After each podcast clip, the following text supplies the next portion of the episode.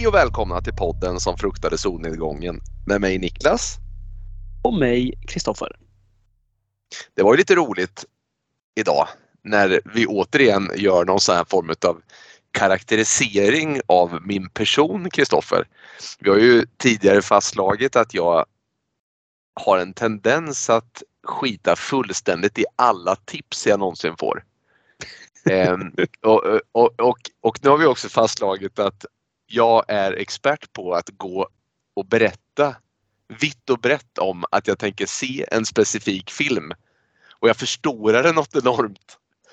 Och sen när man frågar mig hur filmen var så har jag sett en helt annan film. Än den jag har sagt att jag ska se. Väldigt ofta det där händer. jag, jag, jag, vet inte riktigt vad det här är för någonting. Kanske om man gjorde någon sån här psykoanalys av mig så skulle de få göra. Vad vet jag, vad vet jag. det, är ändå, det är ändå underbart det där att du ändå går och säljer in det här att det här ska jag se som att det, det här är det stora happening idag. Mm. Och sen eh. eh. när man frågar hur har det gått när dagen är slut så nej, men jag såg om den här istället för femte gången. Ja, ja, ja jag vet. Jag vet. Eh, och det var ju så häromdagen här nu så, så jag aviserade att jag när kvällningen kom skulle se Psycho 3 eh, inspirerad av skräckfilmscirkeln har jag tänkt att jag ska se igenom alla de här Psycho-filmerna, till och med fyran. Och jag, jag sålde in det mycket väl att det, det blir Psycho 3 nu. Och det slutade med att det blev Conjuring 2 istället. Eh, ja, det är ju ändå, det är ja. ändå okej okay ändå. Ja. ska vi, vi ska ändå igenom den. Vi ska vandra den vägen och se de filmerna. Så att det, eh, ja, det är inget konstigt. Det, det, ska vi verkligen göra. Eh, men, men vet du vad? Sen kom dagen eh, eh, att jag vid ett senare tillfälle helt enkelt såg Psycho 3. Så att, och det här har ju ändå gjort på något sätt att jag har, att jag har tack vare att jag är så in, inkonsekvent så har jag då både sett Conjuring 2 och Psycho 3. Men Kristoffer, och det, det, den jag vill komma till, det är Halloween Ends. För den har jag sett säkert efter alla andra. Men, men nu fick även jag knyta ihop den här Halloween-sagan. Och den är ju väldigt sågad och, och, jag tror att vi, den här har du sett sedan tidigare, men jag tror att vi enades om att vi tyckte väldigt lika här va? Om Halloween Ends. Ja, vi gör väl det. Vi är väl ganska överens om att som en eh, standalone film så hade det, den funkat betydligt bättre än som den avslutning på en trilogi det nu blir. Ja, precis. Den, den, eh, att den rör upp känslor, det, det, det har man fastslagit och det kan jag också förstå. Så var det med den saken. Du, eh, jag vet ju att du går igenom småbarnsår och det är eh, hektiska kvällar för dig och det är trotsåldrar och dylikt. Men har du hunnit se något bra sen vi pratades vid sist? Vet du, jag har nog inte sett någonting. Jag sitter och kollar på den här Better Call Saul och försöker komma in i den serien. Men jag, jag gör inte riktigt det. Jag har väl sett en säsong nu och alla har hypat den här något så enormt men nej. Det, jag vet inte. Blir det bättre? Eh, jag vet inte för jag har inte sett den där serien och jag är faktiskt inte alls så sugen på den heller. Jag var väl en av dem som, äh, det finns ju ingen människa som kan säga att Breaking Bad är dålig. Det är ju en jättebra serie. Men jag fick faktiskt kämpa mig igenom delar av Breaking Bad där jag verkligen tyckte att ah, men nu, nu tappar de mig snart här. Så att min känsla är att eh, Better Call Saul kommer vara som de sämre Breaking Bad-delarna. Det är någonting jag fått för mig så därför har jag liksom dragit mig för att se den där lite grann. Det kan ju vara att man är lite mätt på det. Jag, när jag såg eh, Breaking Bad så såg jag allting i ett streck. Inte så att jag satt vaken där med kokain injicerade i mina ögonglober utan jag såg det under en sommar och jag måste ha lagt två veckors tid på det ungefär. Jag såg nog sju avsnitt per dag misstänker jag. Jag tyckte det var väldigt bra. Men, det låter ändå eh, ljuvligt ju. Bara ligga och, och sträckse. Det är ju trevligt. Ja, jo, men det är, det är faktiskt väldigt trevligt. Jag tror jag eh, gick ut lite då och då och gick och köpte en sån här fryspizza på Coop-butiken som låg i närheten. Och så, gick jag, och så fortsatte jag kolla på det. Det var en bra sommar. Ja, det är så som en sommar ska vara helt enkelt. Du, Ja. det här är ju väldigt trevligt för den här dagen är ju kommen och avsnitt 39 då börjar vi jag vet inte hur mycket vi ska kalla det här en franchise men, men de här filmerna som vi ska se till det här avsnittet med Conjuring-serien här de utspelar sig i alla fall eh, i något som man skulle kunna kalla för samma universum. Så att det är ändå lite trevligt och det känns lite högtidligt eh, idag när vi ska ta oss an Conjuring. Men först Kristoffer, och det här känns ändå viktigt för det är en snackis den här listan som vi håller på att betar av nu.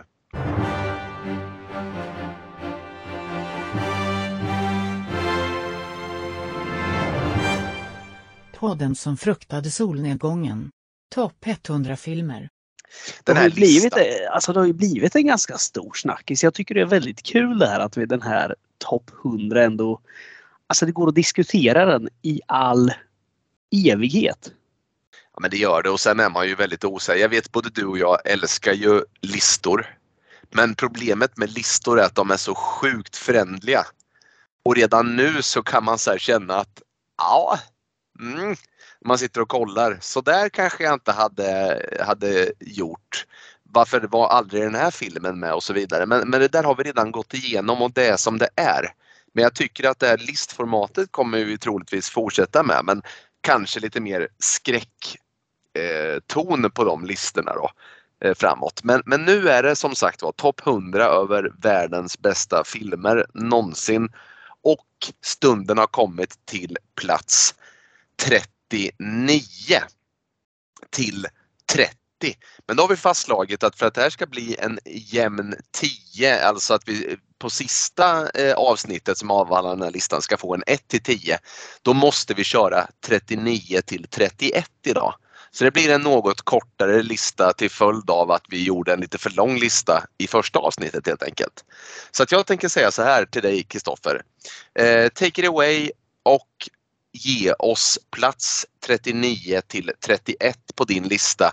Och nu ska det bli ännu mer intressant om vi lyckas fånga in samma filmer på samma spann här som vi gjorde. Det var ju premiär förra avsnittet med Unforgiven som vi båda hade på ja, runt 40 där någonstans, vilket var kul. Så eh, varsågod!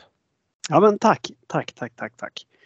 Då ska vi börja den här listan med plats 39 på min lista och eh, då återfinner vi en film som du redan har pratat om så jag tänker inte prata särskilt länge om den. Eh, 1995, Brian Singer, De misstänkta, Usual Suspects, Kaiser Sösi, Såse. Såse. Såse. Såse.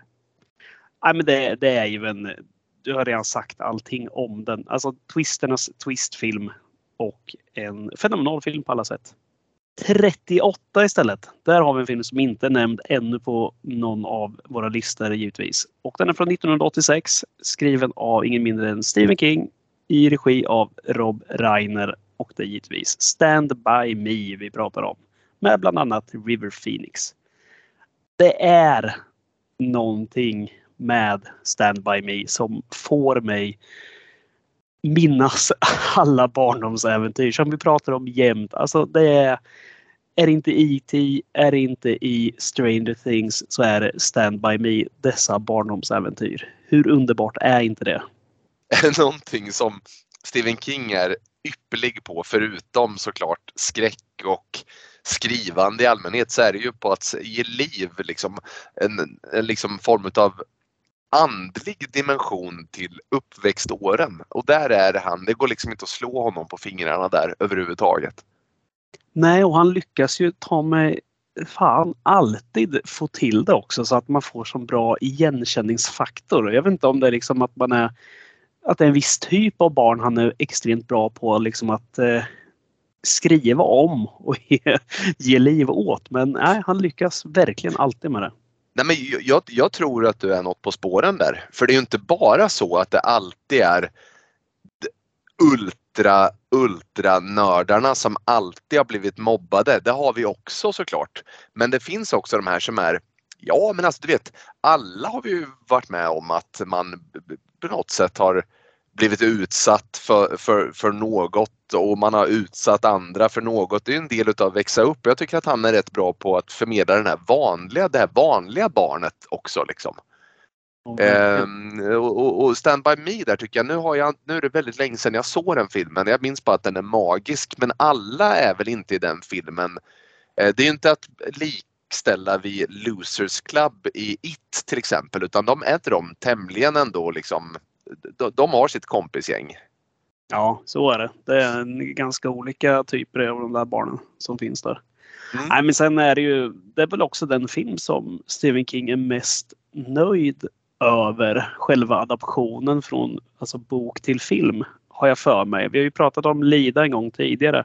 Och det var väl en av anledningarna till att just Rob Reiner fick göra den också. Just för att eh, King var så sjukt nöjd med just Stand By Me. Ja, nej men precis. Och där har ju, och det var väl inget misstag i något av fallen där känns det som.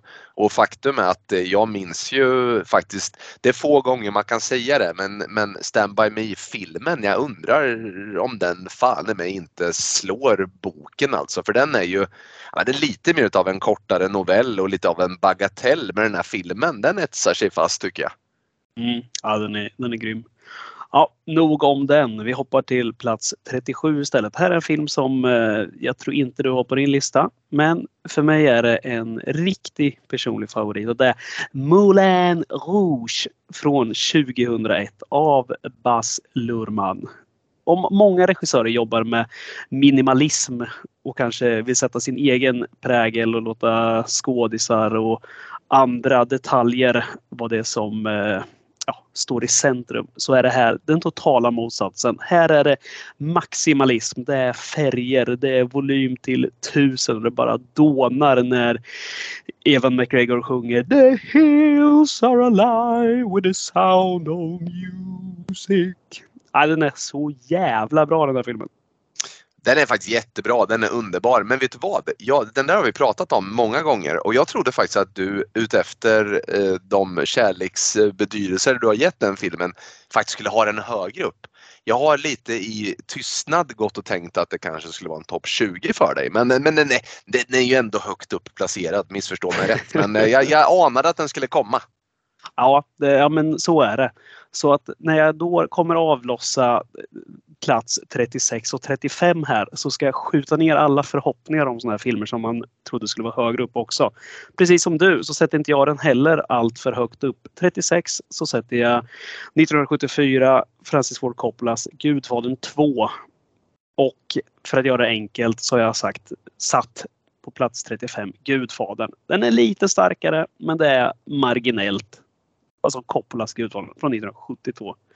Och vi behöver inte prata så mycket mer om den. Det finns inget jag kan säga om Gudfadern som inte redan är sagt. Nej, men så är det ju fantastiska filmer och, och som sagt var eh, jag hade Gudfadern, första filmen, lite längre ner på listan där. Men det är klart, de är ju fantastiska. Det är ju inget snack om den saken. Mm. Vi hoppar till 34 istället.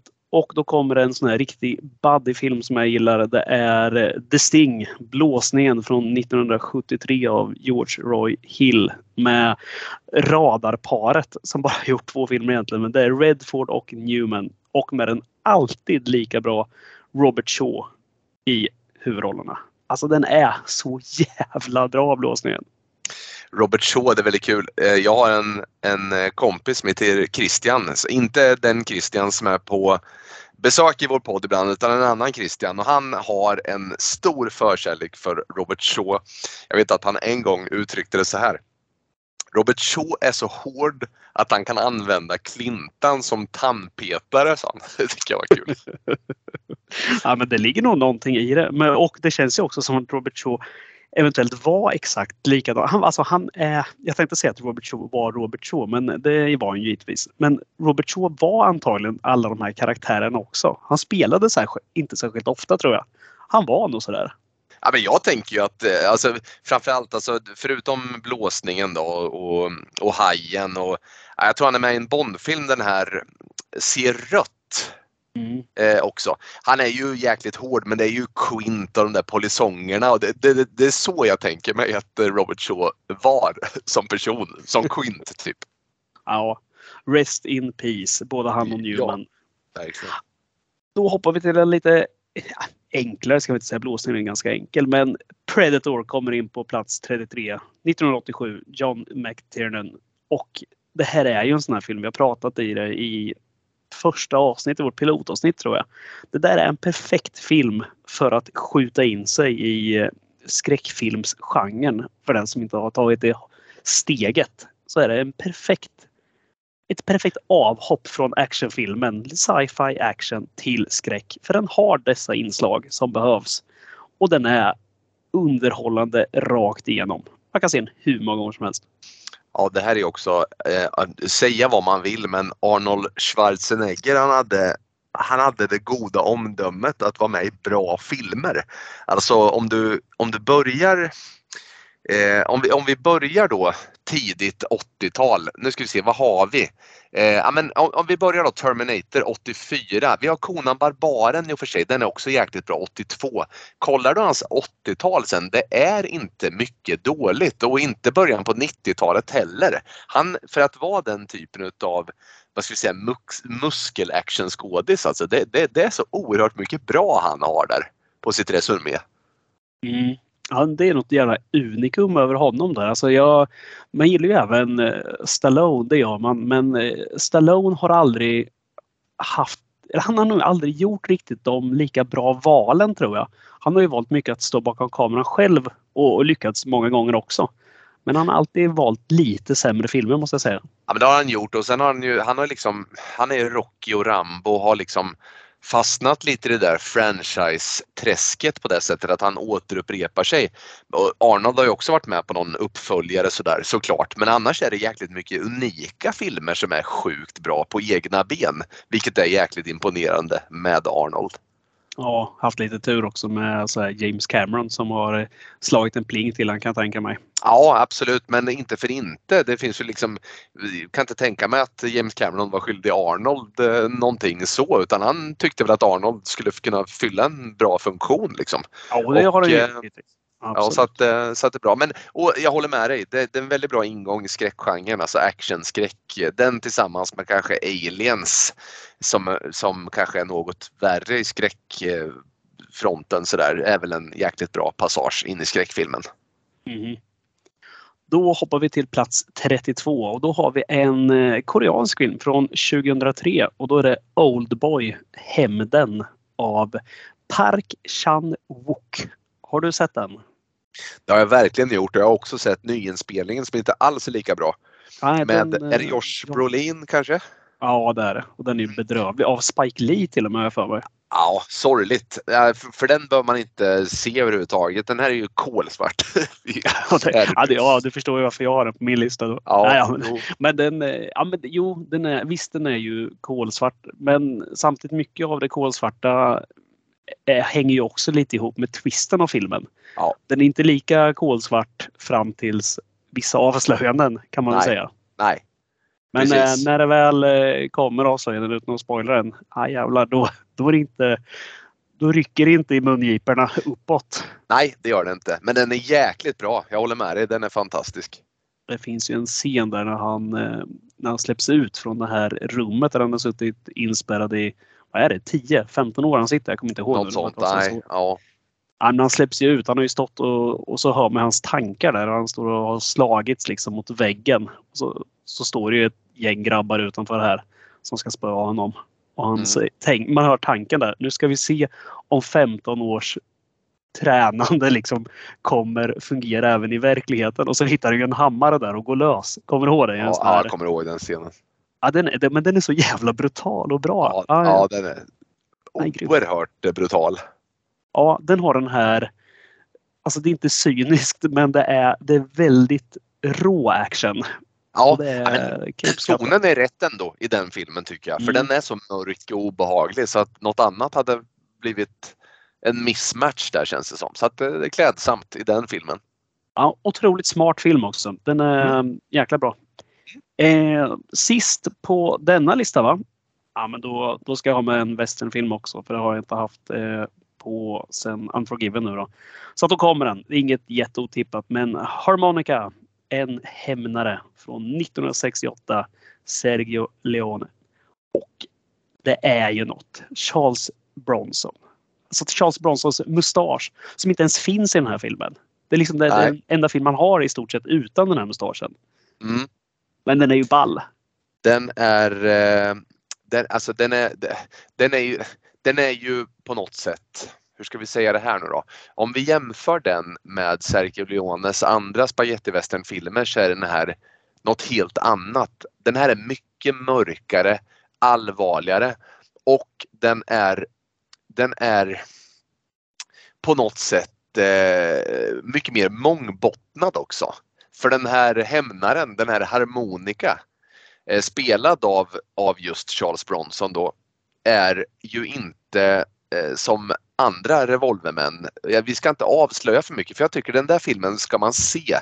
För om man är en person som gillar lite mer, vad ska vi säga, eh, filosofiska filmer och sådär så kan man eh, faktiskt se harmonika och göra lite tolkningar av vad innebörden i den här filmen är. För, för det är inte en Den gode, den onde, den fule utan det här är något annat. Jag håller med dig, den är fantastiskt bra.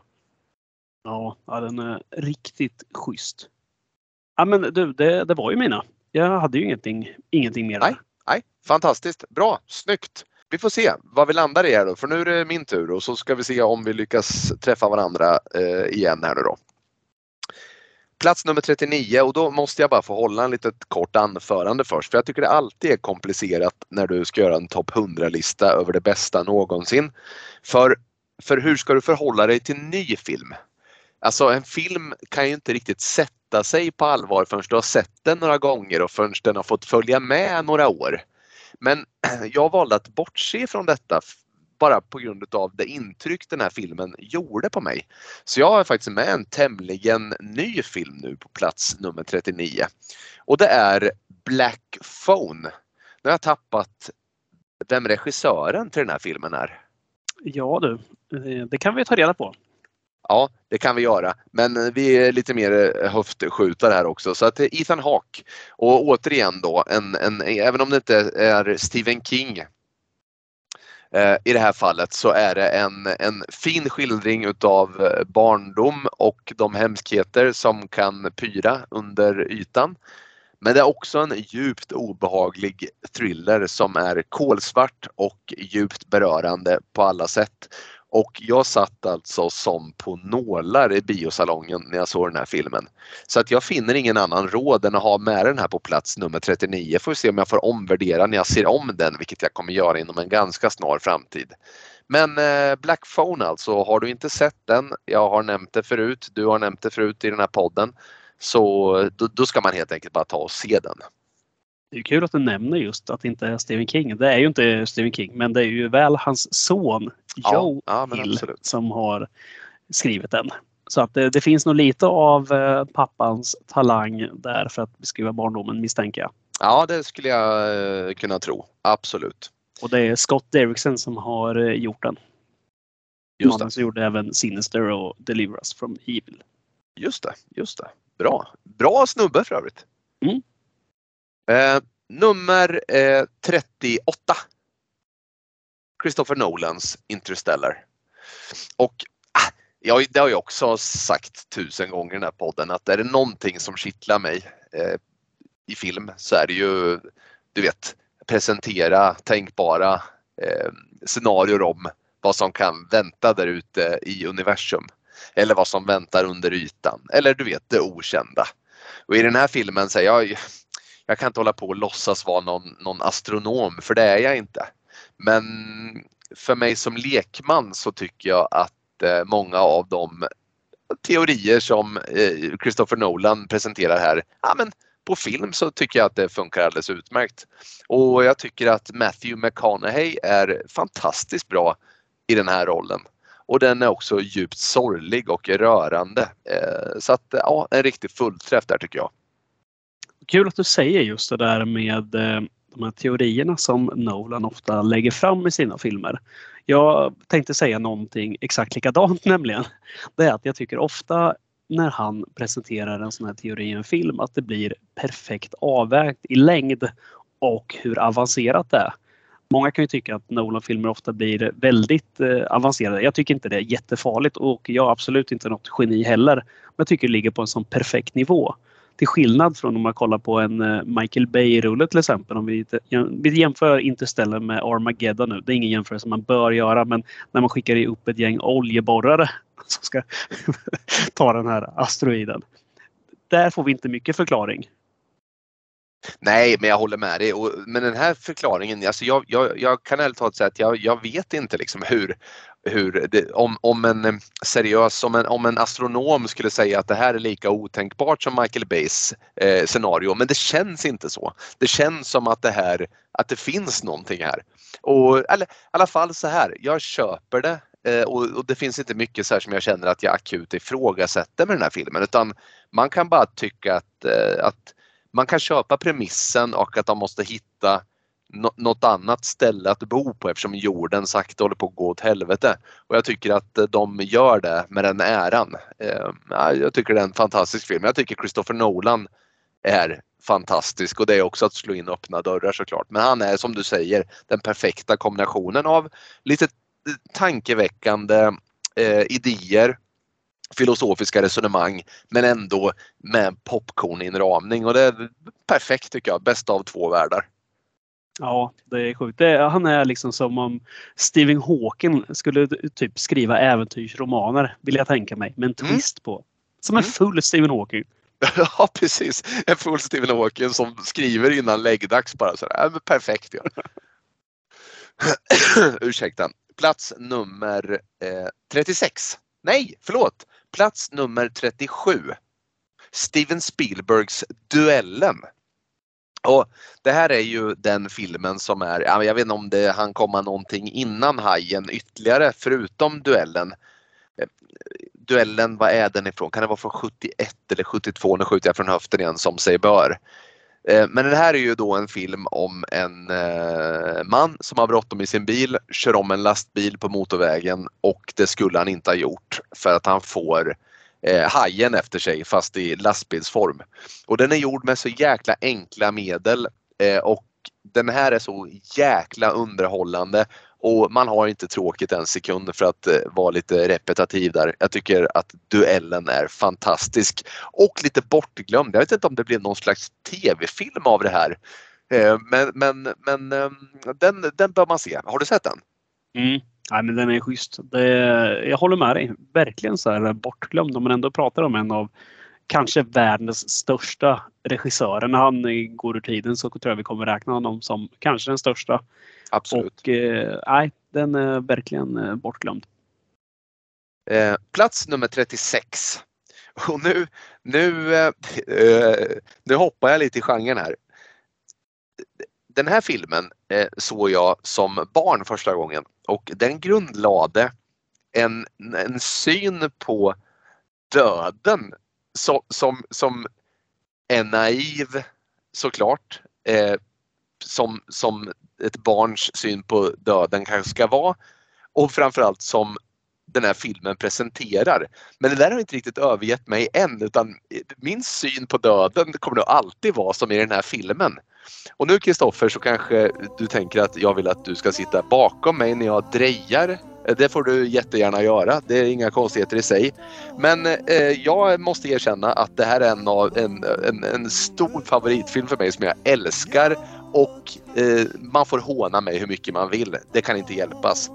Plats nummer 36, Ghost med Patrick Swayze och Demi Moore.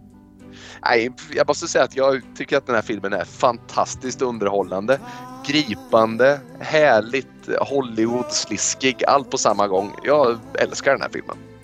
Kul. Jag, jag har nog aldrig varit något jätte-Ghost-fan, varken eh, bandet eller filmen. Men eh, det kanske är dags att se om den. Det var bra länge sedan jag såg den. Eller så är det så här att eh, så man... Jag, jag vet ju inte. Jag vet inte hur giltig den här filmen är för någon som ser om den i vuxen ålder om du inte har den här barndomsrelationen till den. Jag vet inte om det är den som är kravet men ja, ja, ja, den, den är så här som har fastnat. Måste få vara med. Plats nummer 35.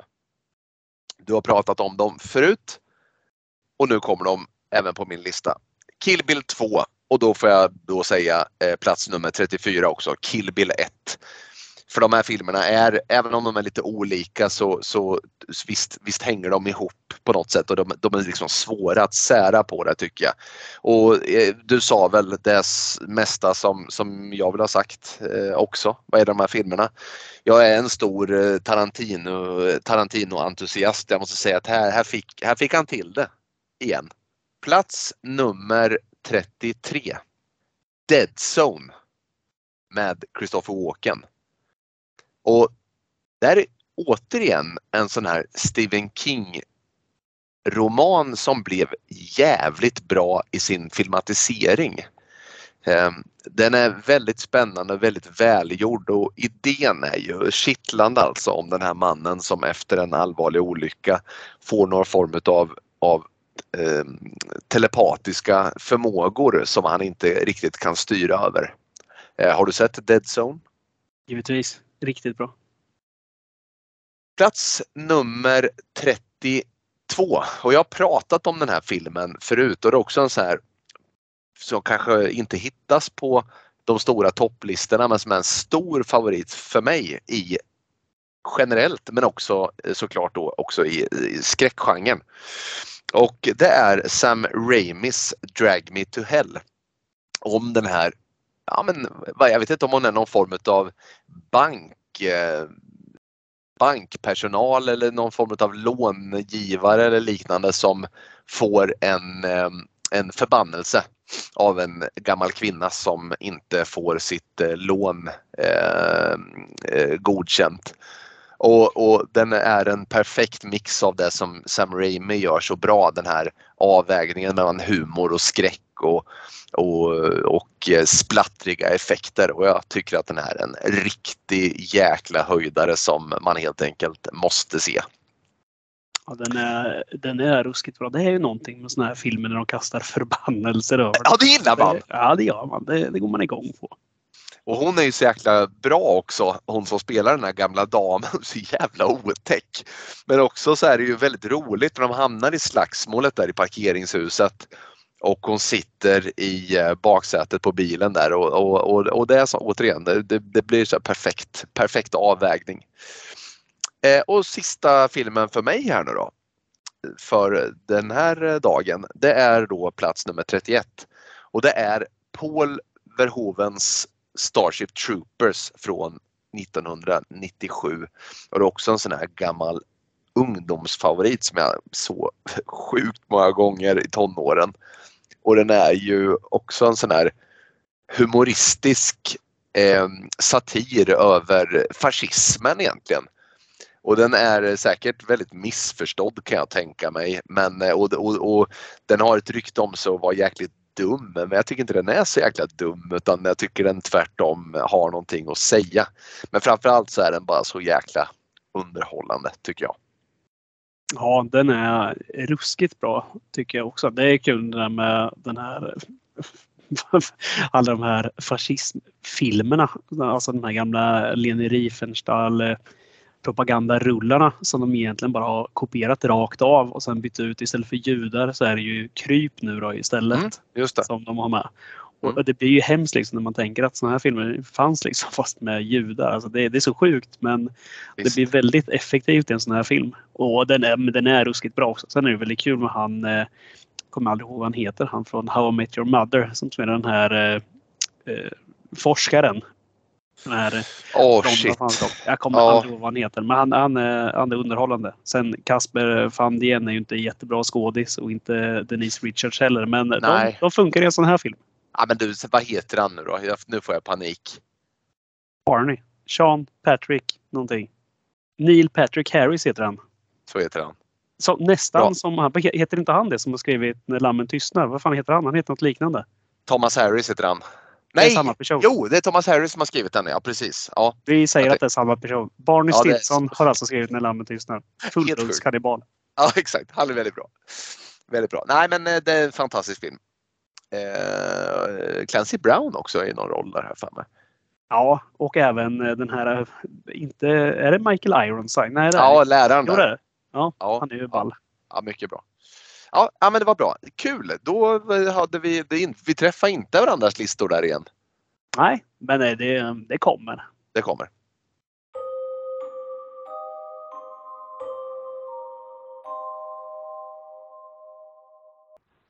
Vi börjar med Ed Warren, född i Bridgeport, Connecticut den 7 september 1926.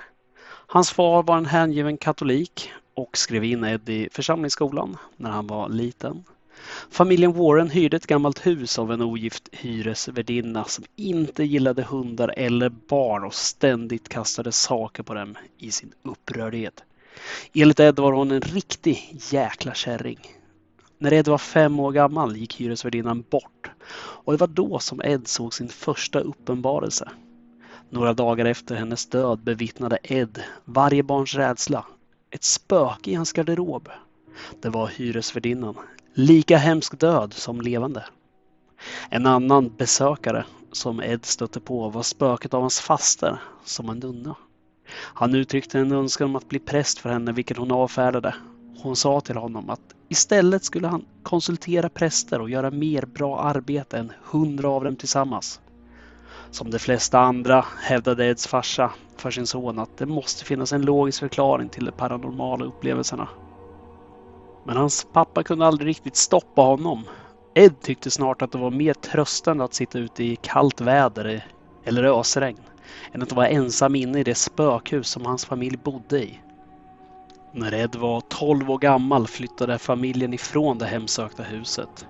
Efter hans möte med alla andra som funnits där satte hans exponering för det paranormala fart och hans önskan bara växte och växte om fler utredningar och fler konfrontationer med det paranormala. Bara tre kvarter bort från Ed bodde Lorraine Moran. Lorraine föddes några månader efter Ed, den 31 januari 1927. Hennes föräldrar skickade henne till en katolsk flickskola, Laurenthal Hall i Milford, Connecticut.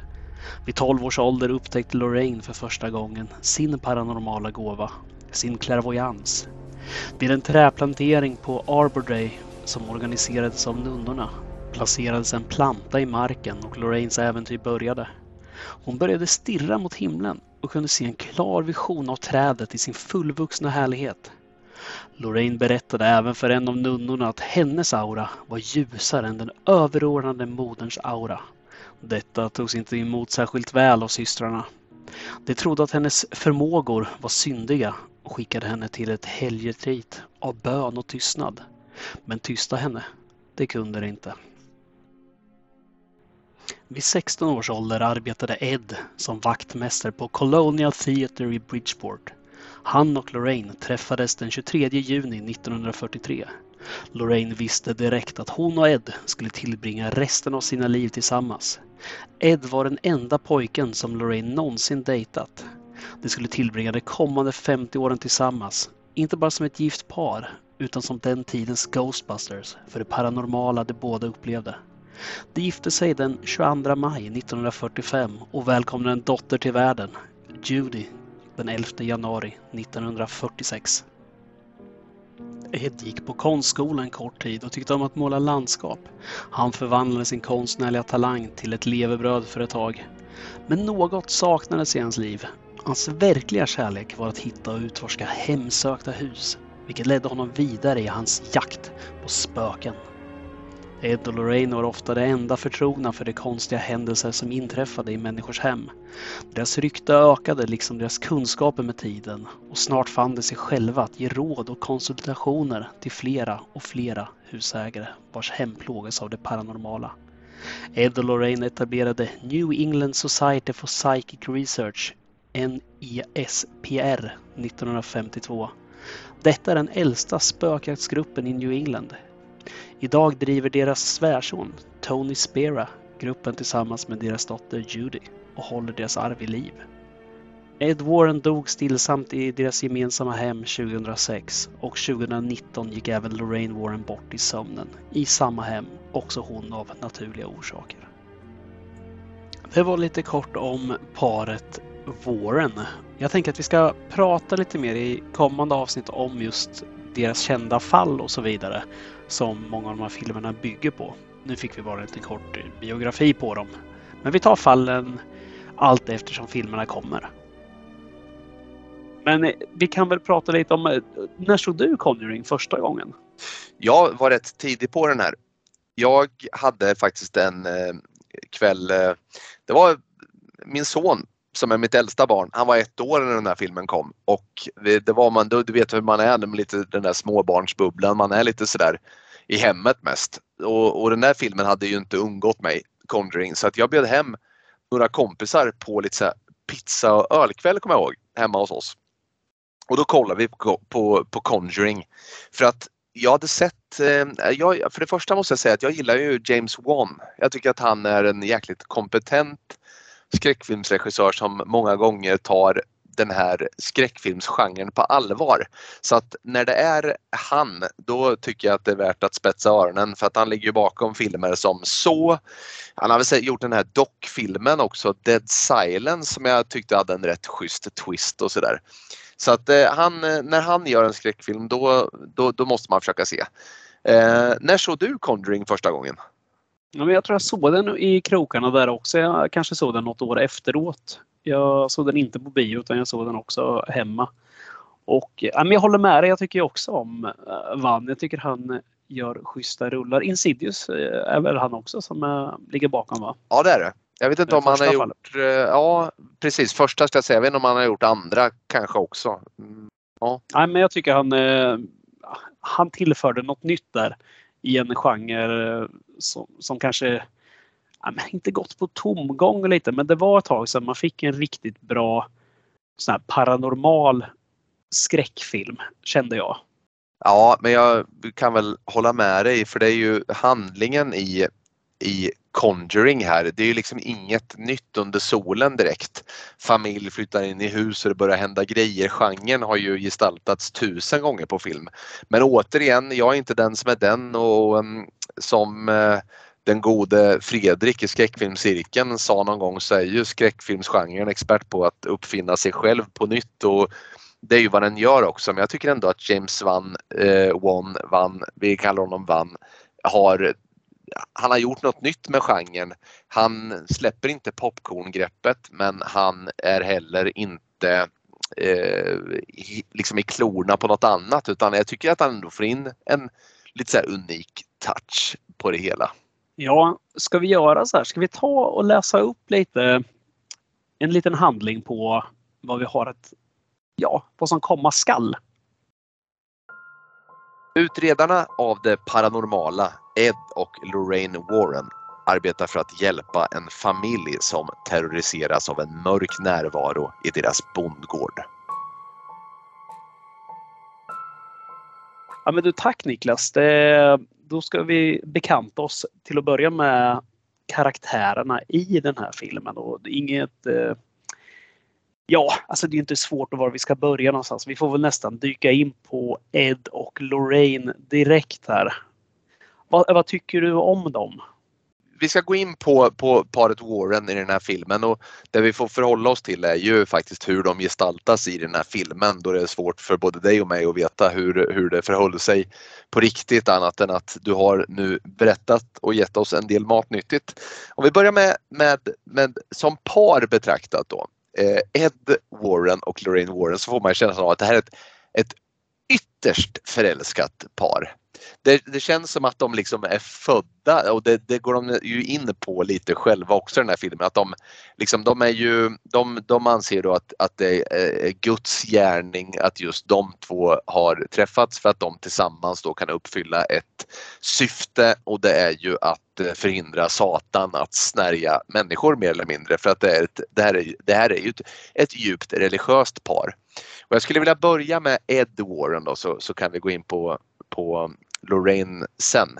Ed Warren får man känslan av att det här är ju en, ja men det är ju en karakar eh, den här Ed Warren.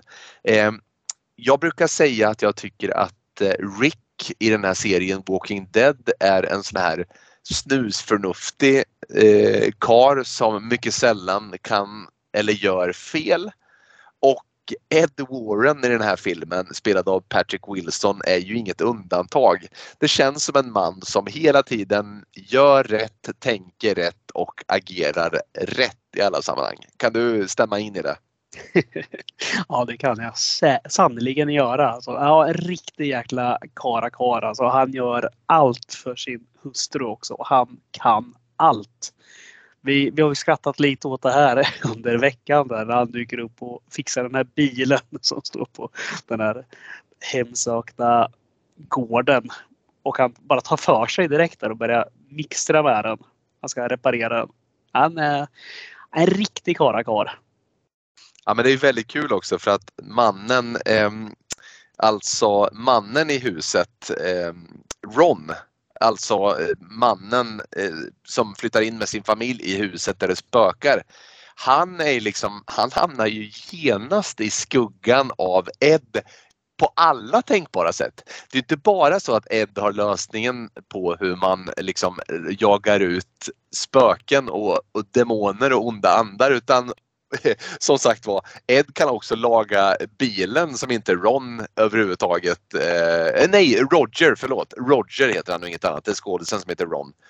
Eh, att Roger då, familjefadern, han, han, han, han kan inte ens laga bilen men, men det kan Ed och så vidare.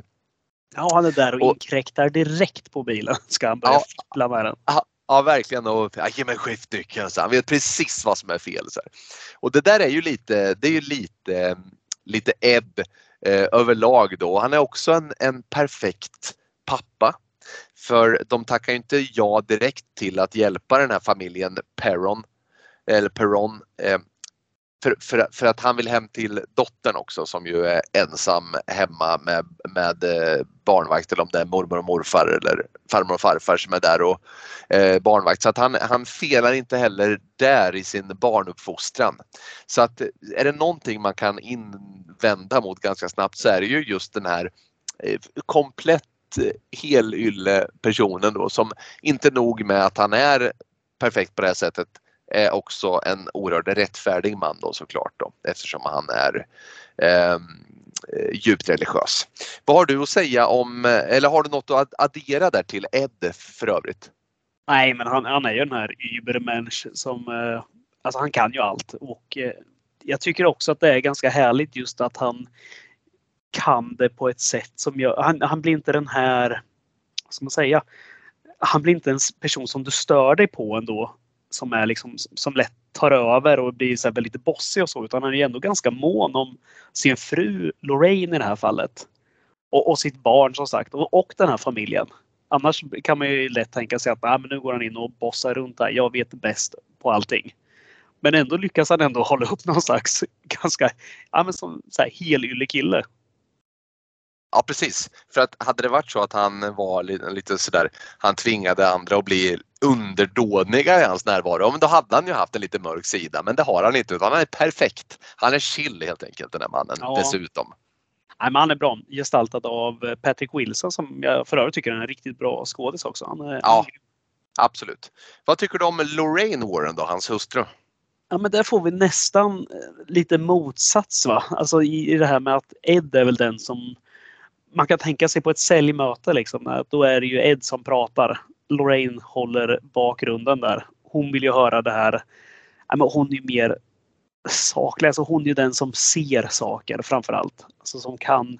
Hon har den här klärvoajant förmågan. Alltså att hon kan ta på någonting eller se syner, alltså se, kolla på ett fotografi och veta exakt när det är taget och vad som hände i, den, i det ögonblicket och liknande det är hon som har förmågan. Ed är ju den här som är mer den praktiska av dem. Det, det är i alla fall mitt intryck. Det är mitt intryck också. Det känns som att Ed också är den som, som sköter liksom ekonomin. Alltså om de nu får betalt för det de gör eller hur de på något sätt gör sitt leverne så är det ju Ed som sköter de bitarna. Hon är mer liksom på riktigt i, den, i det avseendet som du säger att hon faktiskt upplever saker och ting. Ja, Ja, men exakt. Ed tar hand om ekonomin och eh, bilar medan Lorraine hon står för synerna. Så mycket kan man väl säga. Och det är ju Vera Farmiga som eh, gestaltar henne då. Och jag tycker hon också är ruskigt bra i den här rollen. Hon är den här lite, lite mer sköra. Alltså, för de får ju det här att när hon ser de här synerna så nämner de ju det också att en del av henne tappas gång för gång. Hon förlorar en bit av sig själv varje gång hon går vad ska man säga, de går för hårt in i de här synerna eller går, liksom, stirrar för länge i dem. Ser något för hemskt. Precis, vilket är också ett ganska berättartekniskt effektivt grepp för att eh, det blir ju rätt så enkelt att på ett rimligt sätt då följa de skräckevents som händer i filmerna eftersom man eh, ser man följer ju många gånger Lorraine och hennes upplevelser och hon ser ju det som andra inte kan se och hamnar då i skottgluggen för en hel del otäckheter för de är det gott om i den här filmen faktiskt. Det, det, det ska man inte sticka under stolen med. Um, men men, men um, familjen Perron då, eller Perron eller Perron. Vad, vad tycker vi där? Det, det, är pappa Roger och det är mamma Carolyn och det är fem stycken döttrar i den här familjen. Andrea, Nancy, Christine, Cindy och så April då, som är den här lilla flickan. Jag vet inte om vi, vi ska vi hålla oss till makarna där först kanske då? Vad har du ja, att säga om dem? Ja. Ja, men det, det, det, är väl ganska bra att börja på dem. Vi har Carolyn då som vi börjar med och det är ju den här fembarnsmorsan då som du så fint rabblade upp barnens namn på. Hon är väl den här klassiska hemmafrun vad jag fattar det som. Som eh, ja, hon lever där tillsammans med barnen. Jag tror inte hon har något jobb. Utan eh, hon tar hand om hemmet. De är ju nyinflyttade i det här i den här gamla villan då och har lagt alla sina besparingar på att eh, renovera upp den. Och det är ju hon som först egentligen, eller inte först, men det är i alla fall hon som blir den som råkar illa ut kan man säga. Det är hon som vaknar upp med de här blåmärkena och så vidare. Men det är också hon som tar kontakten med paret eh, Warren. Det, det jag tycker är rätt schysst här är väl att den här familjen Peron inte vi får inte kastat på oss i ansiktet att de är superkristna på något sätt heller, eller jättedjupt religiösa troende utan det är mer som att Warrens är det sista hoppet här. Det, oavsett om Warrens är de här, de är ju liksom kristna riddare som ska driva ut de här demonerna. Så går de ändå med på det. Alltså de, de kontaktar dem fast att nej, men det här kanske inte är vår grej egentligen. Men ändå så går de, tar de den kontakten och det tycker jag ändå är ganska schysst drag i den här filmen. För det nämner ju även eh, då Roger, farsan spelad av Ron Livingston. Han nämner ju det att ja, men vi är inte en familj som går i kyrkan. Utan ja, men vi har bara ringt er för att ni är vårt hopp. Det enda vi har egentligen. Det är ingen annan som tror på det här. Och han är ju, ja, jag vet inte om vi ska lägga mycket mer tid på det där, men han är ju också bara en, han är ju en vanlig knegare. Det är inget jättespeciellt över honom. Han jobbar som eh, truckerchaffis och iväg ganska långa perioder vad vi får anta. Det går väl sådär för hans truckerfirma. Han är iväg så två, tre veckor i taget. Eh, ja men precis, så jag skulle vilja bara stanna kvar lite vid det du sa om att eh, den här familjen är ju inte på något sätt Det är inte så att det faller sig naturligt att kontakta en exorcist så fort det är något som bråkar i hemmet sådär. Utan eh, precis som du sa där så uttrycker de ju faktiskt en eh, ett, eh, inte liksom att de på något sätt har tagit ställning emot kristendomen utan de är väl kanske som, eh, vet, vet jag, 90% av alla eh, i världens invånare. Att även om du, eller ja, förutom de som är religiösa då, så sagt att många är ju, vad, vad kallas det, agnostiker kanske, att du liksom inte tycker att det är så mycket att tänka på utan världen har nog med sitt och, och livet håller på liksom. Det är rätt många som kan förhålla sig till deras, till deras familjesituation. Eh, och det är, ju, det är ju just det som jag tycker blir ganska så effektivt också att det här är en familj som ändå släpper på eh, och låter saker och ting hända innan de sticker iväg och ropar spöke. Men till syvende och sist så kommer ju alla människor till en gräns att ja, men det här går inte längre. Och det är då du, som du sa också, att då, då, de har liksom inget annat alternativ. De känner till det här paret Warren, de har sett deras shows, inte vet jag, de har lyssnat på radio. Jag vet inte för att det här är ju, vad är det för år? Eh, vi är 1971 va? 71, ja det är 70-tal, jag precis tänkte säga det. Då, då, då eh, ja, har på något sätt ryktet nått dem om det här paret Warren och ja, när, när det inte funkar längre så då, då får de rycka ut och, och då tycker jag att det är rätt effektivt för då har de ju en sån här dragning på något på något universitet eller vad det är för någonting eller om det är något, liksom, något mötesrum. Och då ser hon Carolyn Perron väldigt medtagen ut, alltså blek och rädd. Och ja, det, på något sätt så känns det rätt trovärdigt i allting. Eh, det som många skulle kunna se inte var så trovärdigt då tycker jag. Mm, ja, jag håller helt med dig. Jag tycker just hela den här början blir det är en jäkla bra uppbyggnad där. Det är inte för mycket direkt i filmen. Utan den, den byggs upp ganska...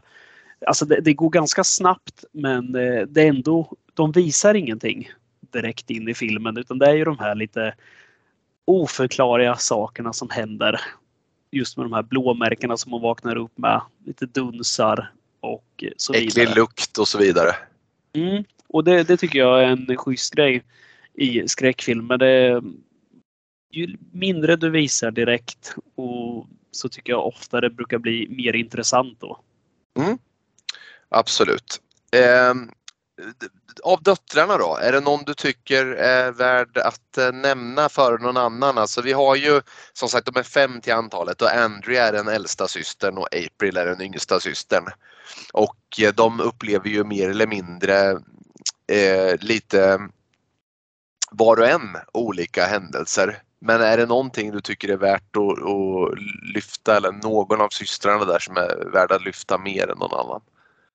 Inte för själva karaktärerna egentligen. Kanske att vi kan lyfta det i någon sån här bra scen senare. Men jag tycker inte någon av karaktärerna egentligen tillför något vidare in i handlingen. Nej, precis.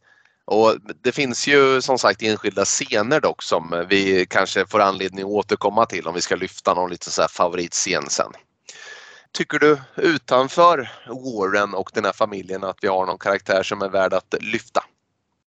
Nej men vi har väl inte det egentligen. Alltså, vi har ju vi har familjen och så har vi Warrens. Det är de som spelar egentligen huvudrollen. Alltså det är de som är som ska utkämpa det här, den här striden. Sen har vi lite medhjälpare till Warrens, deras assistent och den här polisen som kallas in också för att eh, se till att allt går rätt till egentligen. Precis. Och, men, det, men det är ändå inga karaktärer som... Alltså de, de är ett ansikte där. Det är inte mycket mer än så. Nej, kanske värt att lyfta eh, Judy Warren, eh, alltså dottern till Ed och eh, eh Lorraine hon är inte med jättemycket men hon förnimmer saker lite grann som hennes mor ju gör. Hon tycks ha ärvt lite utav moderns kapacitet. Och det är också värt att nämna kanske, ja, det, det, låt oss återvända till det eh, förresten. Du, ska vi hoppa på miljön? För det blir en rätt bra brygga. Platserna och miljön. Vad tycker du om det här huset som Perron eh, bor i? Ja, men det är en av filmens absolut största alltså, förtjänster. Det är ju det är ett jäkla det är en jäkla snygg miljö. Alltså, kuslig får man väl lov att säga. Det är ju ett hus, de är ju i Rhode Island, i Rhode Island State då, 1971. Så att eh, det är lite äldre och det här gillar ju både du och jag, det vet ju jag. Det mm. finns inga mobiltelefoner och så vidare. Men eh, det, det här gamla farmar, det här farmhuset som de bor i. Det är så 150 år gammalt, spretande och knarrande, gnisslande tvåvåningshus. Ja, det, finns det något mer perfekt hus för spöken än det här? Alltså, det skulle väl vara ett slott i så fall, men annars är det ju... Det har alla ingredienser för vad som behövs för att skrämma skiten ur en. Nej, jag håller med dig och sen just det där bara de här detaljerna med att ja, men det har ju stått orört. Alltså det är ingen som har lagt lite målarfärg på det på länge och, och plankorna. Ja, alltså det har gått fort när de har köpt det här huset. De har, det, det märks. Alltså familjen har hittat någonting för en gångs skull känns det som, som de har råd med. Och de har verkligen liksom, vi får ju veta att de har inte köpt det här huset genom någon mäklare av några andra som de vet vilka det är utan de har köpt av banken. Det får mig också tänka på att det kanske är någon form av exekutiv aktion då eller någonting att att man, eh, förra ägarna har, det känt, de har bara stuckit liksom. De har flytt det där huset. Och så har allting gått väldigt fort. Det är känslan jag får. Det är också ett rätt effektivt grepp där tycker jag. Jag har faktiskt hunnit läsa på lite just gällande så här försäljning av hus. Där. För att det var, när du säljer ett sånt här hus i eh, just Rhode Island State så behöver du inte enligt lag eh, om det har hänt någonting kriminellt i huset, alltså någon har dött eller blivit mördad eller liknande, så behöver du inte skriva in det i försäljningskontraktet. Vilket är, ja, det, det är en ganska stor del av handlingen kanske i just den här filmen. Ja, verkligen. Och, nej, och det, ja, det är ju rimligt då utefter handlingen som sagt var. Nej, men en annan detalj är ju också det när de flyttar in där i huset att de upptäcker att det finns en, eh, en källare, en igenbommad källare. Och det, det blir också väldigt eh, det, det, är en bra ingrediens alltså när de går ner här och det, vi har det här att det hänger massa lakan över saker. Det är ett gammalt piano. Varför har folk alltid pianon som står nere i källaren? Det, Första man ska slänga ut om man, om man flyttar in i ett övergivet hus. Ja, ja det är ju pianot. Ja, verkligen.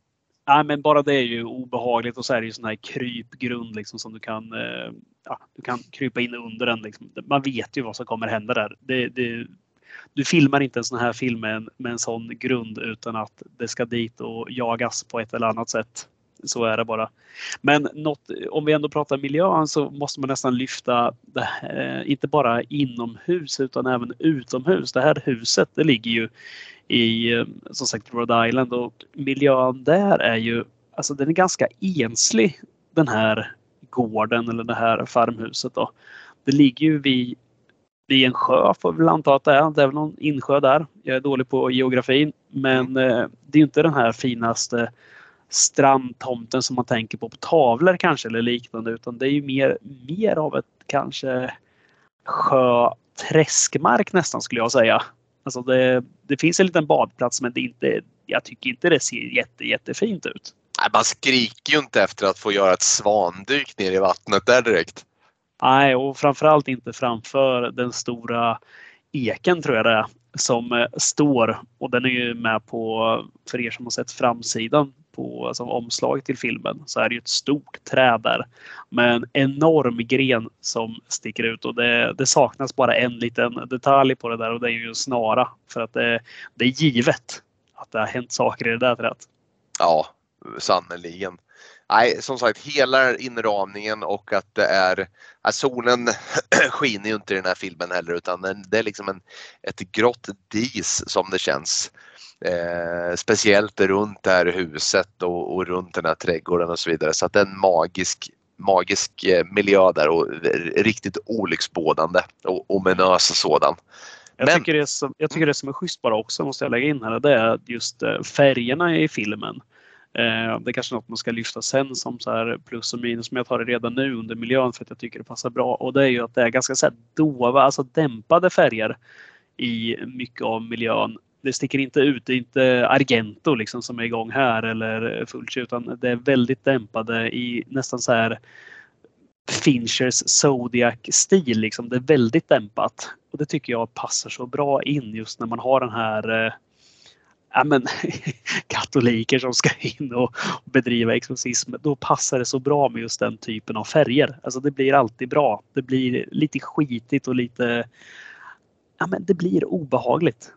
Ja, men jag håller med dig, verkligen. Och återigen då, det, har vi, det här brukar vi ju lyfta och vi har väl sagt det båda två att om vi själva var skräckfilmsregissörer eller manusförfattare till skräckfilmer så hade vi förpassat tiden tillbaka till då det inte fanns datorer eller mobiltelefoner eller wifi. Utan det ska vara den här lite övergivna känslan och det, den ehm, eh, blir perfekt inramningen som du säger med den nedskalade ehm, eh, grådassiga känslan. Det blir perfekt faktiskt och riktigt effektfull.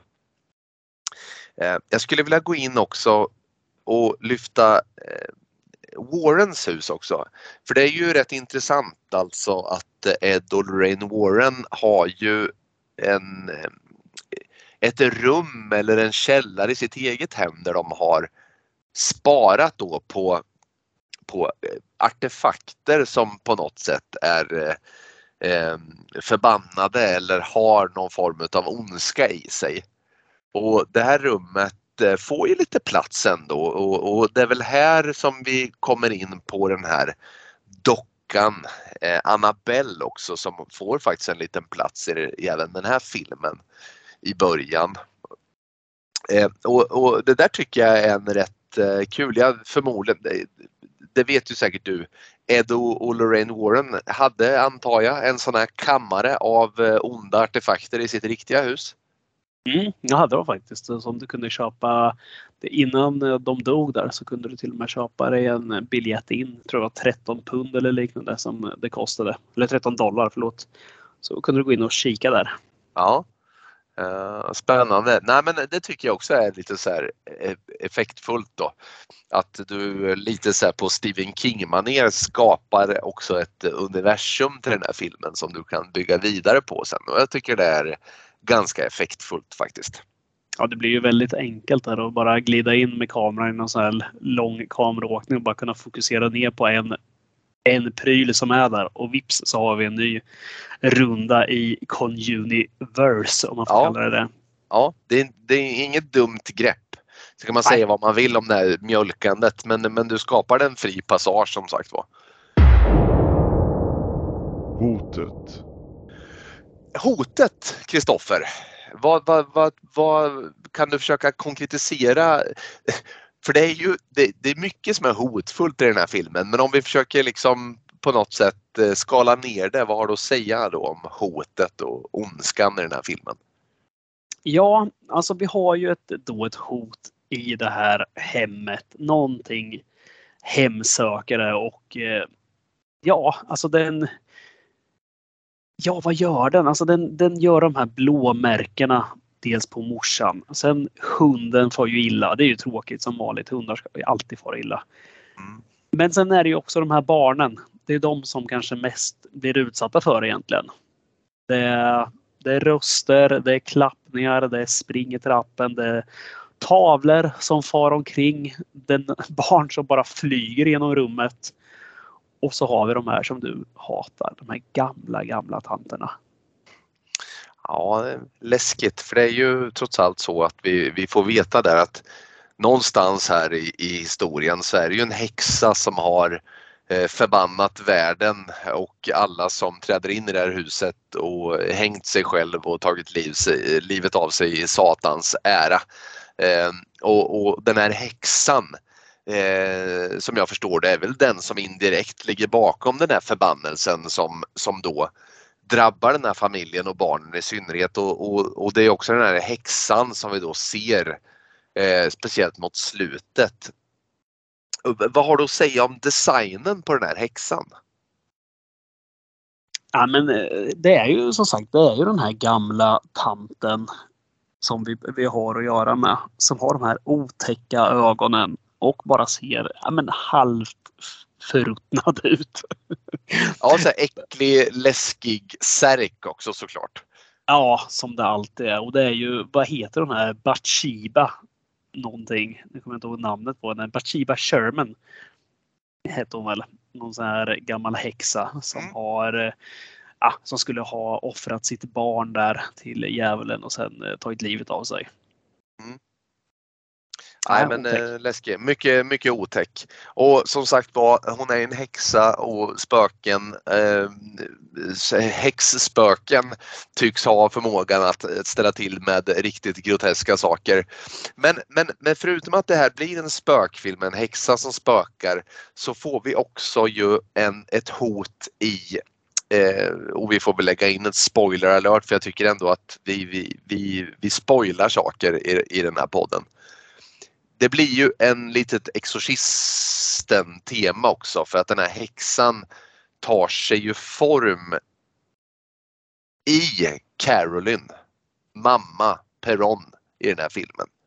Så att mamma Perron blir också ett hot i sig mot sin närhet och sina barn i synnerhet. Då. Och eh, vad tycker du om det greppet? Funkar det bra för dig? Ja, jag tycker det gör det. Alltså hon går ju, Emma hon går ju full Reagan från Exorcisten. Och eh, ja, men börjar prata otäckt och eh, leviterar i sin stol och så vidare. Ja, men jag, jag tycker det funkar. Det, det, går inte, det går varken för snabbt eller att det blir för mycket. jag tycker det är schysst. Ja, men jag tycker också att det är riktigt schysst. Jag tycker greppet är riktigt schysst också med att när de då, och det är också väldigt roligt att inte nog med att Eh, Ed Warren i den här filmen då eh, är mycket bra på allt medan han också är smooth och lyhörd mot sin fru så är han också en exorcist såklart eftersom de inte lyckas hinna få tag på en riktig prästexorcist alltså en av Vatikanen utsänd exorcist så får helt enkelt Ed Warren göra den här exorcismen på eh, mamma Perron. Vilket i sig blir ganska kul eftersom han är, han är så jävla bra på allt Ed Warren. Om jag inte missminner mig när jag läste lite om just Ed Warren så tror jag till och med att det var så att han fick godkännandet av självaste Vatikanen att utföra en eh, exorcism. Alltså, som en, alltså han är den enda som har fått göra det utan att vara utbildad präst. Det är ändå rätt starkt. Ja, det är otroligt. Det är otroligt. De har en uh, otrolig tro på Ed Warren. Ja, men, men, men sen, sen är det ju, nu hoppar vi lite grann där, men jag, jag tycker det är ganska intressant att, att man gör ju ingen, i den här filmen så gör man ju inte, man gör ju allt man kan för att tona ner eh, paret Warrens, vad ska vi säga, eh, fundamentalism. Alltså de, i synnerhet Ed är ju också, han är ju också bra på att eh, vara, vara, vara liksom, vad ska vi säga, han tror också på att det finns natural causes till saker och ting. Han, han kan till och med avfärda spökeri ibland. Det finns I'm sure there is an explanation säger han. Ehm, så att han, så att, eh, tänkte du på det att det är inte så att de ser djävulen i allt i, i, i den här filmen åtminstone utan de, de är så pass smooth ändå att de verkar in så att de vet att det här är ondskan. Och i vissa fall så är det inte ondskan utan då är det vinden som slår i fönstret liksom. Ja men precis. I, i eh, många av de här fallen som de, de ska ha besökt, jag tror det är 10 000 fall i, eh, i verkligheten, då, alltså paret Warren. Och eh, jag tror de sa det att 99% av fallen aldrig var någonting. Som de, alltså det var knarrande rör och liknande saker. Det säger de i filmen med. Ja. Att, men är nej, det, men... blir det inte lite mer spännande då?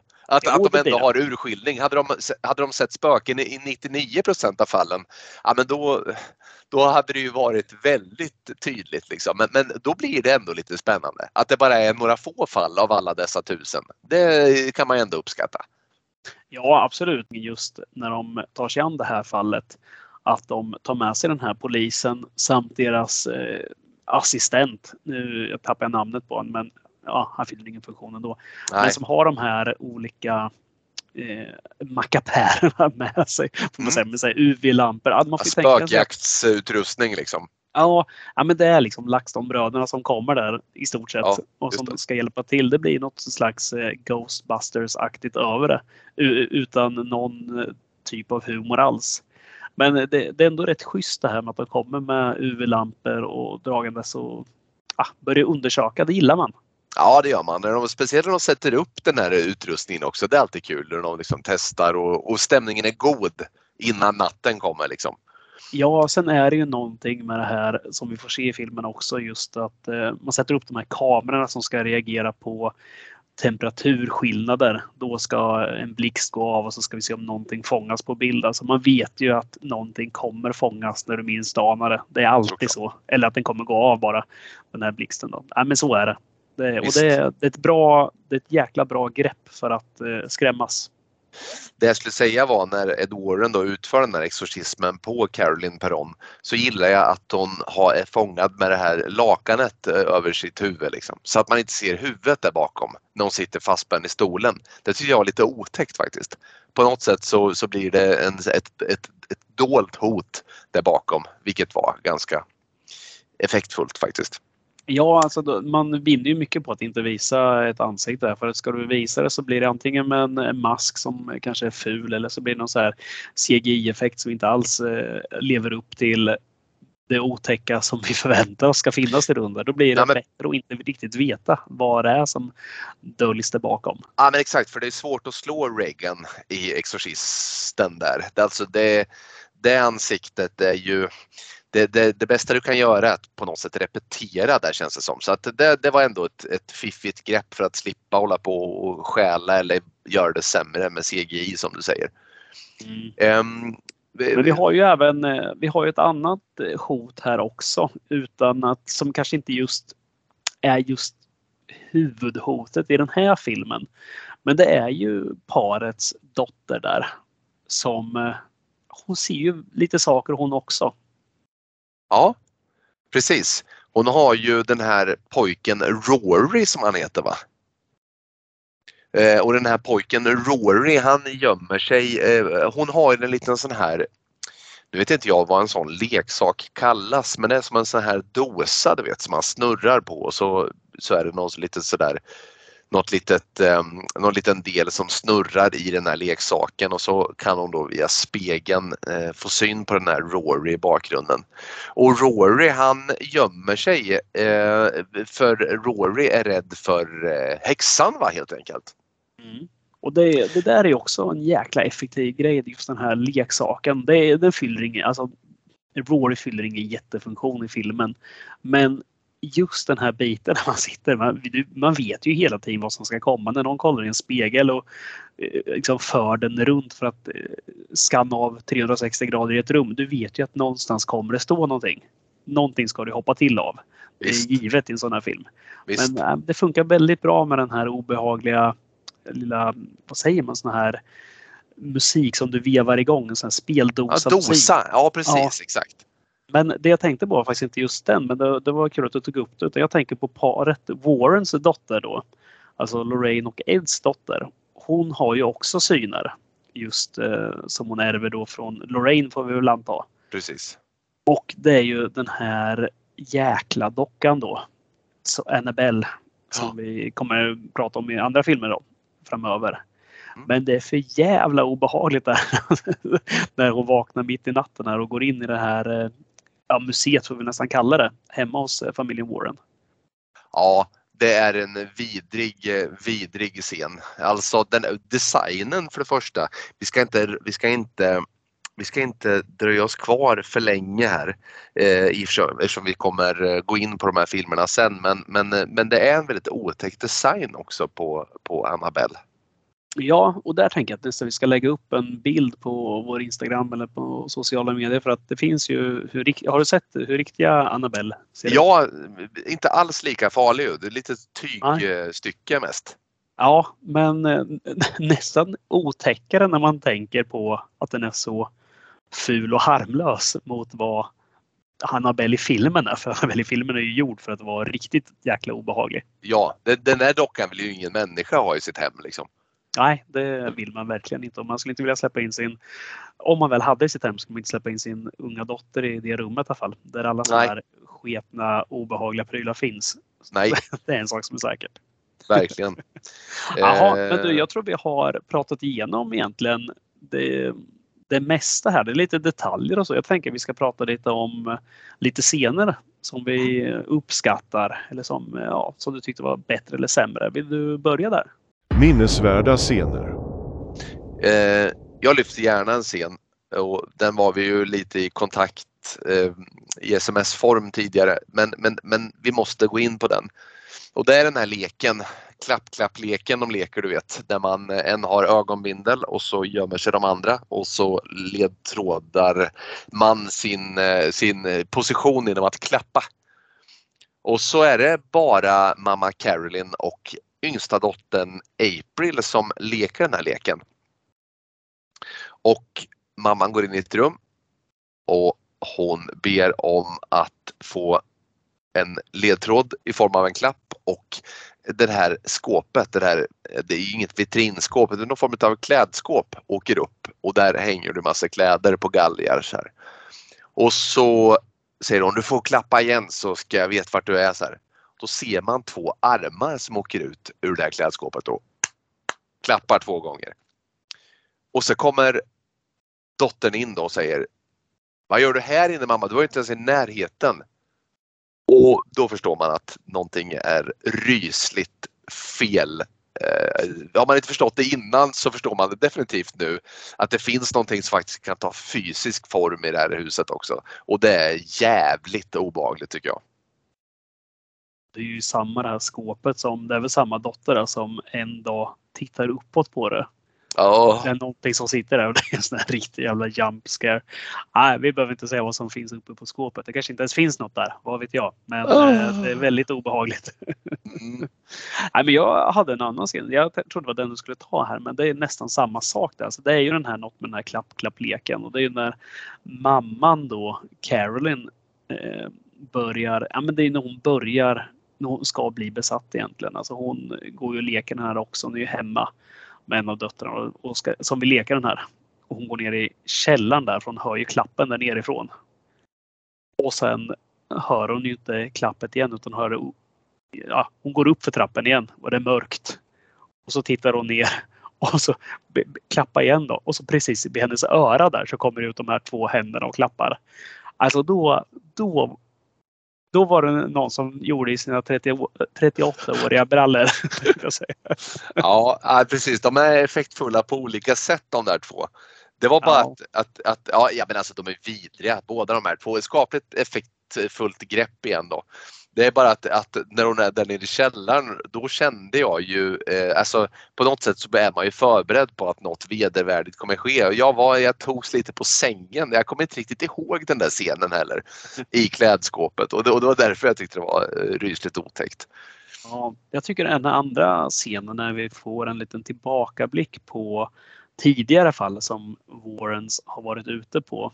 När de säger att, eh, det är väl just när Ed säger att förra gången Lorraine så- såg, ja hon, hon tittade på något hon inte skulle ha sett för det tog en alldeles för stor bit av henne. Då är ju ett annat fall, alltså det Snedker House fallet som eh, som de pratar om. Du vet, vi ser den här killen i tvångströja som de försöker prata med och står och visar korssymboler för. Just och det. Och det, är ju, det fallet ligger ju bakom en annan film som är The Haunting in Connecticut. Som inte är, den ingår inte i Conjuring Verse utan är ju en fristående film igen. Ja, just Men det. den tycker jag är riktigt obehaglig där för han sliter sig loss där liksom och grabbar ju tag i, i Lorraine och hon inte riktigt är med på det. Och det var bara så oväntat just då. Eller det är väl egentligen inte så oväntat men för mig var det det. Jag var inte riktigt med på det. Då, ja, det vart jag rädd av.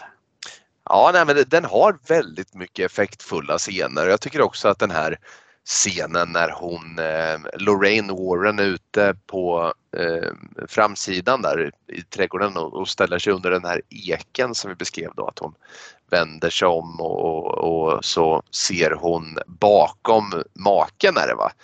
Hur ett par fötter då hänger. Ja, och vi förstår ju då att det är häxans fötter då efter att hon har tagit sitt liv i den här eken. Eh, ruskigt obehagligt faktiskt. Finns det någonting i den här filmen som du tycker är, eh, alltså någon scen sådär som du tycker är lite så här malplacerad eller som inte riktigt passar in eller som du tycker är lite sämre då?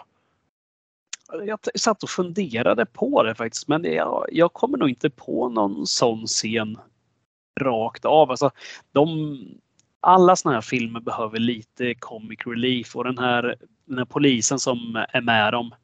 Han är väl den som får bidra lite grann med det.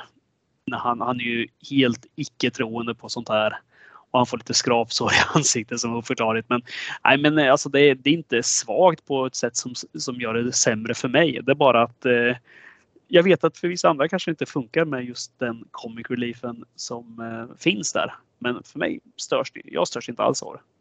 Nej, jag skulle nog nästan säga att jag tycker att den typen av eh, det, det är ju ibland en förutsättning tycker jag. Det blir lite kaka på kaka annars. Alltså om du bara, bara har otäckheter staplade på varandra så liksom tappar du nästan fokus till sist. Så det behövs lite sådär glätta och ljus. Så att det där gör inte mig någonting heller och jag är faktiskt villig att erkänna det. Jag har heller inte någonting sådär som jag tycker är, funkar extra dåligt i den här filmen utan det, det är väl möjligtvis då tycker jag presentationen av kanske i synnerhet Ed Warren då ibland att han är så, det är liksom, han är så, han är, han är så, han är så, han är så jävla bra så att man börjar garva till sist. Liksom. Eh, och det är väl möjligtvis det enda då som man kanske skulle kunna inverka eller eh, eh, tala ner lite grann då. Eh, vad, vad säger du, ska vi, ska vi summera, knyta ihop säcken till den här första Conjuring och så får du ge ett betyg också. Mm. Nej, men jag, jag gillar den här filmen. Jag tycker det är en, eh, ja, men det är en perfekt spökfilm. En lite snabbare spökfilm får man nästan säga. Jag måste nästan lägga lite fokus på ordet snabbare för att den har Alltså om man tar en annan spökfilm, om vi jämför den med till exempel mästerverket The Others eh, som kom eh, några år innan. Eller, då tycker jag ändå liksom att den bygger upp det på ett helt annat sätt där. Den är mycket, mycket långsammare och absolut inte lika mycket jump scares. Den här Conjuring, den lever betydligt mer på sina jump scares. Det är mycket mer effekter som skrämmer dig. Men den har också den här schyssta blandningen med att ändå ha en story i grunden. Sen vinner den väldigt mycket på att ha ett, eh, ett fall, alltså ett verkligt fall som ligger till grund. För mig gör det alltid saker mycket mer intressant. Huruvida man än är troende eller inte eller eh, köper att det har hänt någonting paranormalt här så tycker jag ändå att det blir mer intressant när det finns något att läsa om. Då, eh, det tilltalar mig. Sen tycker jag att eh, både Vera Farmiga och Patrick Wilson är så kompetenta skådisar att de eh, gestaltar de här Ed och Lorraine Warren på ett jäkla bra sätt. Alltså jag, jag vill hänga med dem. Jag vill följa med dem på sina äventyr. Så att jag, ja, jag tycker det funkar riktigt bra. Och ett stort plus till eh, just Ron Livingston som farsan här också. Jag, jag har inte sett honom på länge där, alltså sen Office Space och Sex and the City. Men han är en, han är en väldigt likable person. Alltså jag vill att det ska gå bra för honom. Jag vill att hans familj, de, jag vill att de rensar det här huset från det onda. Jag vill att det ska gå bra för Ron. Och eh, ja, men den, är, den är spännande rakt igenom. Den tappar aldrig mig heller. Och jag tycker att det är rätt skönt att det inte blir det här tjatet om eh, alltså den här kristendomen som ska övervinna allting. Det är, visst att den ska göra det, men det blir inte det stora tjatet om det. Utan de fokuserar mycket mer på allt annat där. Han famlar ju och fumlar rätt mycket när han ska bedriva den här exorcismen också där och kan inte riktigt orden och vet inte riktigt vad han ska läsa. Så att, nej, men det, blir, det blir en kul take på det. Det blir, det blir inte riktigt Exorcisten-stilen på det. Så att ja, nej, men jag tycker att den, eh, det är en 4 av 5 för mig. Den, jag vet inte vad det är riktigt som gör att den inte når upp till en femma. Möjligtvis är det det lite snabbare tempot. Jag tycker om när det går lite långsammare för att jag ska köpa helheten fullt ut. Men eh, 4 av 5, det, det är ett bra betyg.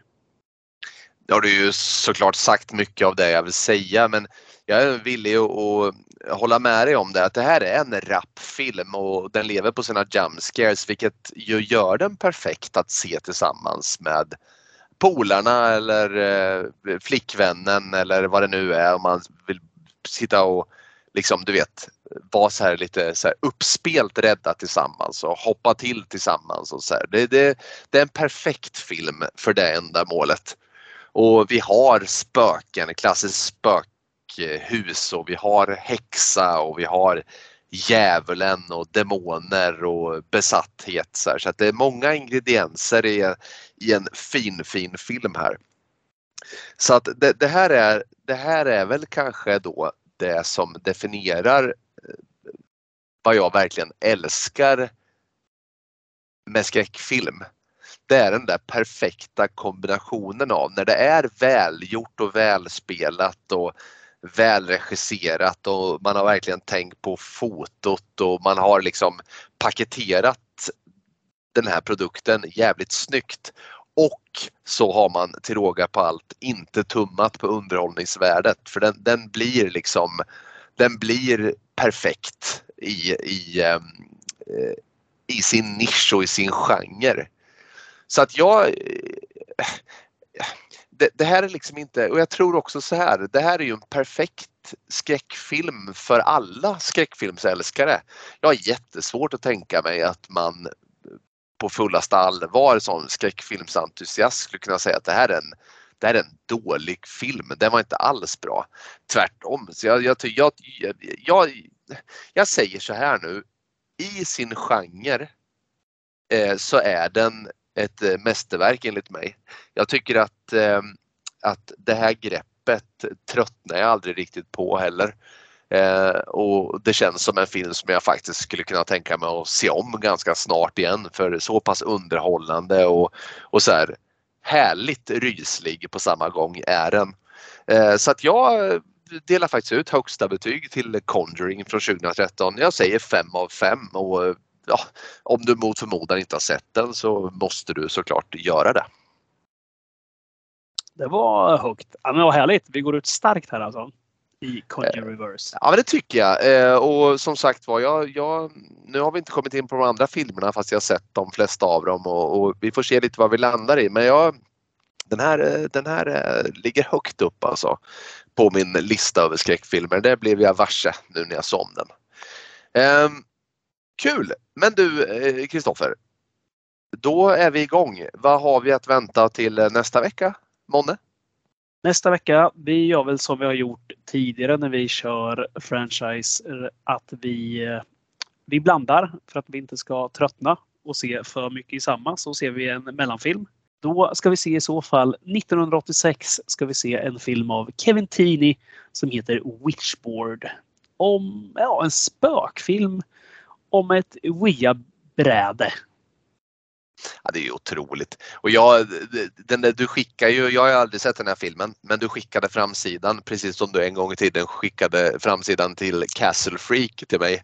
Och jag blev eh, lika betagen den här gången. Du är väldigt bra på, jag är övertygad om Kristoffer att, eh, att eh, skulle du bistå mig baserat på framsidor med massa filmer att se så skulle du träffa högt varenda gång tror jag. För att nu har du har du lyckats ta fram eh, olika filmer här två gånger på raken som jag inte har sett men som jag känner instinktivt att jag älskar redan innan jag har sett dem. Så att det, eh, det är all heder till dig där.